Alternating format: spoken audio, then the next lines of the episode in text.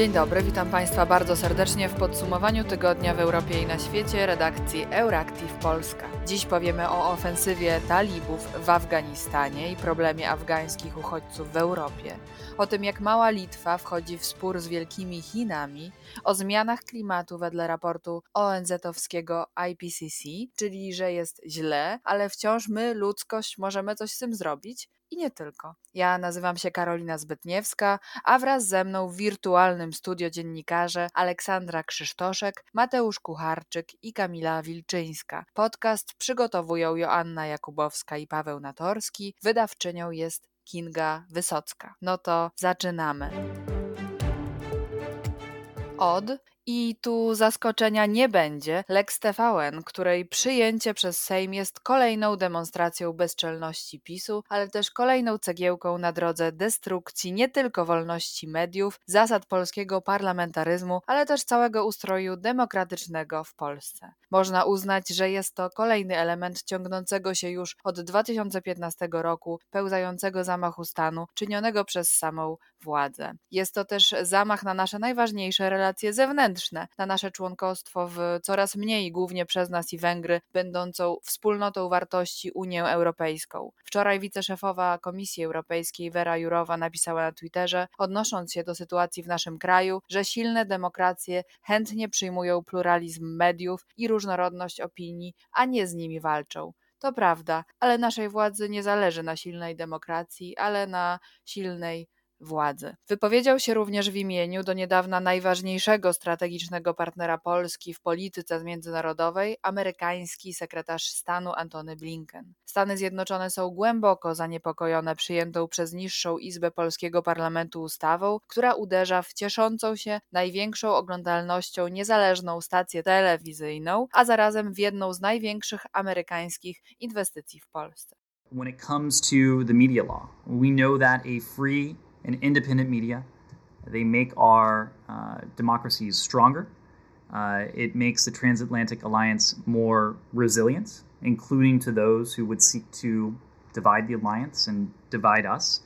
And it is a fundamental component of uh, our bilateral relationship uh, with Poland. Wczoraj też właściciel TVN-u amerykański koncern Discovery poinformował w oficjalnym komunikacie, że powiadomił polskie władze o podjęciu kroków prawnych w związku z naruszeniem umowy bilateralnej między USA a Polską. Spółka twierdzi, że działania polskich władz w związku z przegłosowaną w środę tzw. Tak ustawą Lex TVN naruszają szereg zobowiązań wynikających z traktatu podpisanego między Stanami Zjednoczonymi a Polską 21 marca 1990 roku. Zobowiązania obejmują sprawiedliwe i równe traktowanie, brak dyskryminacji w udzielaniu licencji oraz zakaz wywłaszczenia bez odszkodowania, napisano. Discovery liczy na pozytywne rozwiązanie sytuacji, ale jeśli do niego nie dojdzie, ma zamiar podjąć kroki prawne w związku z naruszeniem przez Polskę bilateralnej umowy inwestycyjnej i dochodzić pełnego odszkodowania za naruszenia, jakich dopuściła się Polska. I dobrze. Szkoda, że takich kroków prawnych nie mogą podjąć sami obywatele, którzy muszą czekać do kolejnych wyborów, a biorąc pod uwagę bezczelność trwającej demolki demokratycznej, może być już wtedy za późno. Dlatego spieszmy się chodzić na demonstracje, a ja tymczasem przekażę głos Kamili, która przedstawi Państwu skrót informacji ze świata. Zacznę od Europy. Łotewskie władze ogłosiły stan wyjątkowy w regionach graniczących z Białorusią. Ma on potrwać do 10 listopada. Powodem jego wprowadzenia jest masowy napływ nielegalnych imigrantów z terenu Białorusi. Łotwa posiada 175 km granicy z Białorusią. Do tej pory tej linii strzegła tylko Straż Graniczna. W dniach od 6 do 10 sierpnia na granicy zatrzymano 283 imigrantów usiłujących przekroczyć białorusko-łotewską granicę. Biorąc pod uwagę, że w całym 2021 roku taką próbę podjęły 343 osoby, dane są tym bardziej alarmujące. Łotewska Straż Graniczna w nocy z wtorku na środę rozpoczęła odsyłanie pochodzących głównie z Iraku imigrantów z powrotem na Białoruś. Wspieranie nielegalnej migracji zarzuca się reżimowi Aleksandra Łukaszenki. We all know that immigration is something that easily uh, triggers people in most of the countries. Problem jest znacznie szerszy i dotyczy kilku krajów, w tym Polski. W zeszły weekend i tu odnotowano rekordową liczbę nielegalnych migrantów. Na granicy z Białorusią zatrzymano kilkuset cudzoziemców. Zatrzymani pochodzą głównie z Iraku i Afganistanu. Tymczasem parlament Litwy debatuje nad budową ogrodzenia na granicy litewsko-białoruskiej. Jeśli pomysł ten zostanie zaakceptowany, na granicy pomiędzy państwami powstanie metalowy płot o długości 508 km i wysokości 4 metrów. Koszt jego budowy wynieść ma 152 miliony euro. Tydzień temu, w piątek, Polska i Litwa zwróciły się o pomoc do Unii Europejskiej w celu zwalczenia problemu nielegalnej migracji. Sprawa ta będzie poddana dyskusji ministrów spraw wewnętrznych wspólnoty na nadzwyczajnym posiedzeniu 18 sierpnia. A teraz o raporcie IPCC, czyli Międzyrządowego Zespołu do Spraw Zmian Klimatu. W poniedziałek opublikowana została najnowsza część raportu o globalnym ociepleniu. Przeczytamy w niej o tym, dlaczego i z jakich powodów klimat się zmienia.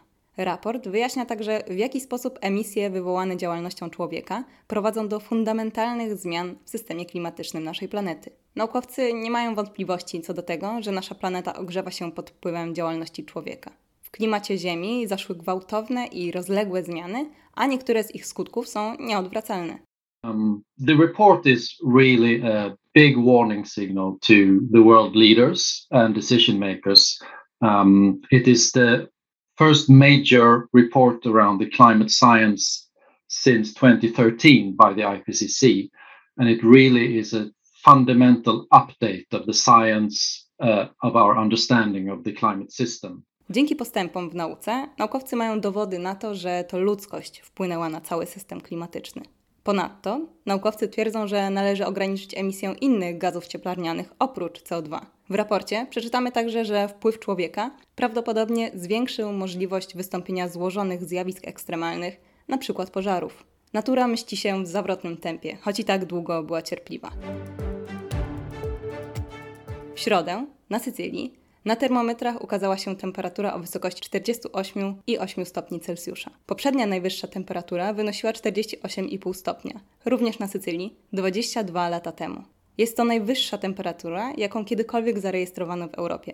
Jak informuje Światowa Organizacja Meteorologiczna, obecny rekord w Europie wynosił równo 48 stopni. Miało to miejsce w Atenach w roku 1977. Ministerstwo Zdrowia wydało ostrzeżenie o zwiększonym ryzyku pożarów. Włoscy strażacy w środę brali udział w ponad 300 operacjach ratunkowych na południu kraju. Media poinformowały o trzech zgonach. Pozostańmy w temacie Litwy. Na świecie nie brakuje państw, które gotowe są przymykać oczy na łamanie przez Chiny praw człowieka czy niszczenie autonomii Hongkongu w zamian za interesy gospodarcze z władzami w Pekinie. Do tej grupy nie należy jednak od niedawna Litwa.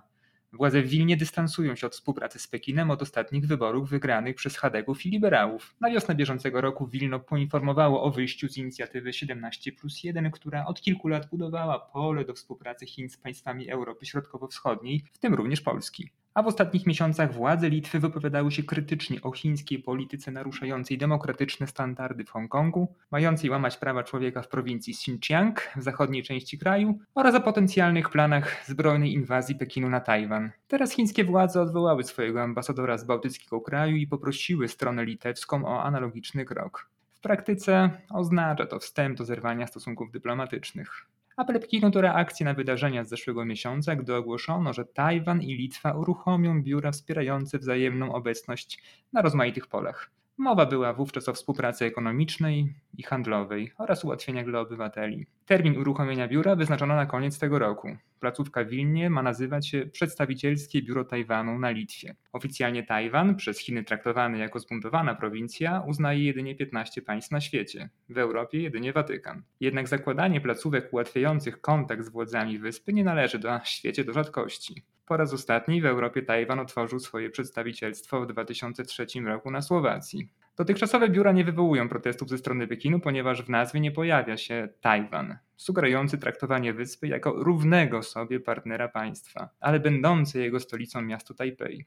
W Warszawie także funkcjonuje biuro przedstawicielskie Tajpej w Polsce. Władze Tajwanu nie mogą używać nazwy kraju także podczas międzynarodowych zawodów sportowych a reprezentanci wyspy przedstawiani są wówczas jako chiński Tajpej. Tak również było podczas ostatnich Igrzysk Olimpijskich w Tokio. Powstanie przedstawicielskiego biura Tajwanu na Litwie, podnoszące oficjalny status wyspy w tym kraju, spowodowało ostrą reakcję ze strony Chin. MSZ w Pekinie poinformował 11 sierpnia, że Litwa nie wykazuje szacunku i zrozumienia dla wielokrotnie wyrażanych przez stronę chińską ostrzeżeń przed konsekwencjami takich działań.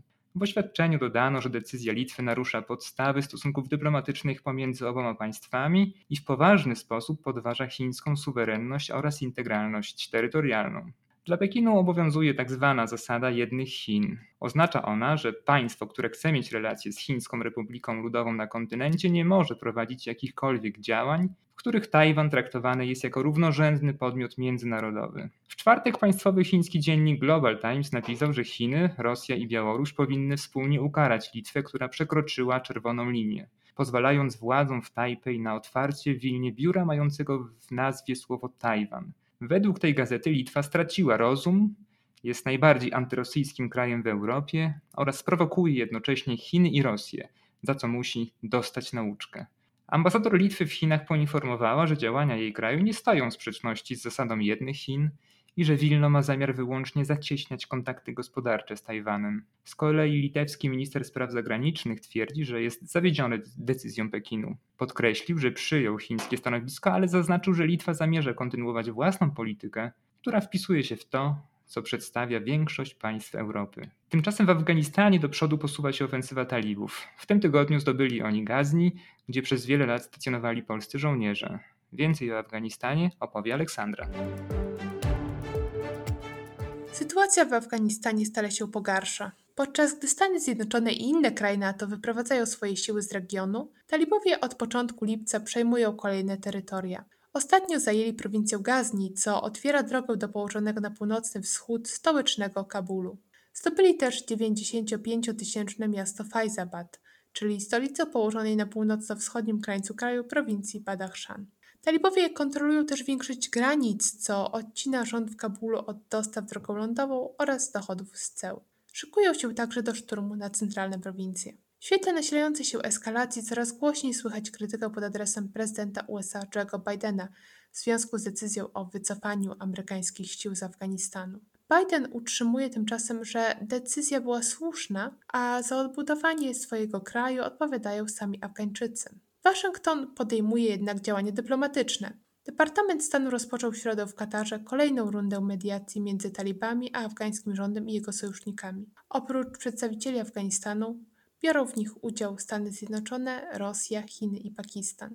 Sekretarz stanu USA Antony Blinken poinformował wczoraj, że rozmawiał z prezydentem Afganistanu Ashrafem Ghanim i zapewnił go o zaangażowaniu Stanów Zjednoczonych w pokojowe rozwiązanie konfliktu oraz o amerykańskim partnerstwie z Afganistanem. A jak na nasilający się kryzys w Afganistanie reaguje Europa? Szef niemieckiej dyplomacji Heiko Maas zapowiedział, że Niemcy wstrzymają pomoc finansową dla Afganistanu, jeśli władzę w kraju przejmą talibowie i wprowadzą tam szariat.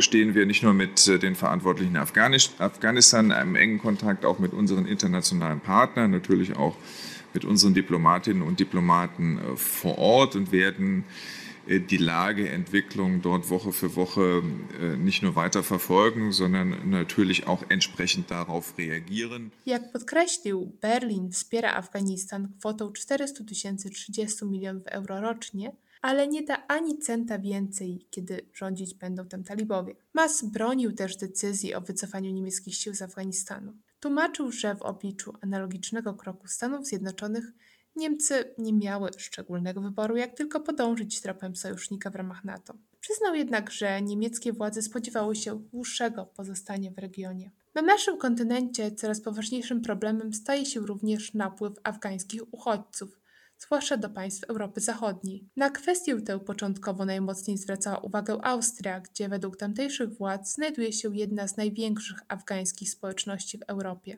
Wiedeń już dawno domagał się od Komisji Europejskiej zaostrzenia polityki migracyjnej i bardziej restrykcyjnych zasad kontroli granic. Kanclerz Sebastian Kurz zapowiedział w ubiegłym miesiącu kontynuację deportacji uchodźców, którym odmówiono azylu.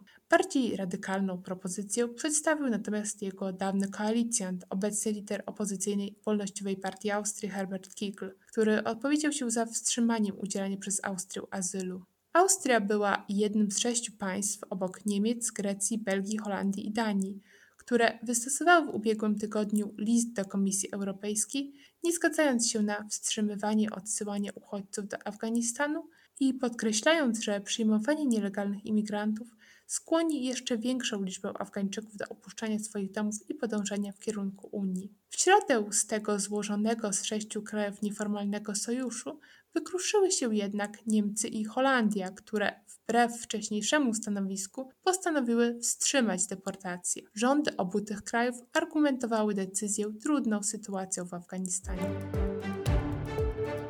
Dziękuję Olu. Dodam, że w związku z inicjatywą talibów USA wyślą teraz z powrotem do Afganistanu wojsko, aby ewakuować personel z ambasady w Kabulu, podczas gdy talibscy powstańcy zbliżają się do stolicy po zdobyciu drugiego i trzeciego co do wielkości miasta kraju. Pentagon zapowiedział, że w ciągu najbliższych dwóch dni wyśle 3000 żołnierzy. W tej trudnej i skomplikowanej rzeczywistości życzymy Państwu udanego weekendu, a może też wizyty we Wrocławiu na rozpoczętym wczoraj wspaniałym festiwalu filmowym Nowe Horyzonty i do usłyszenia za tydzień.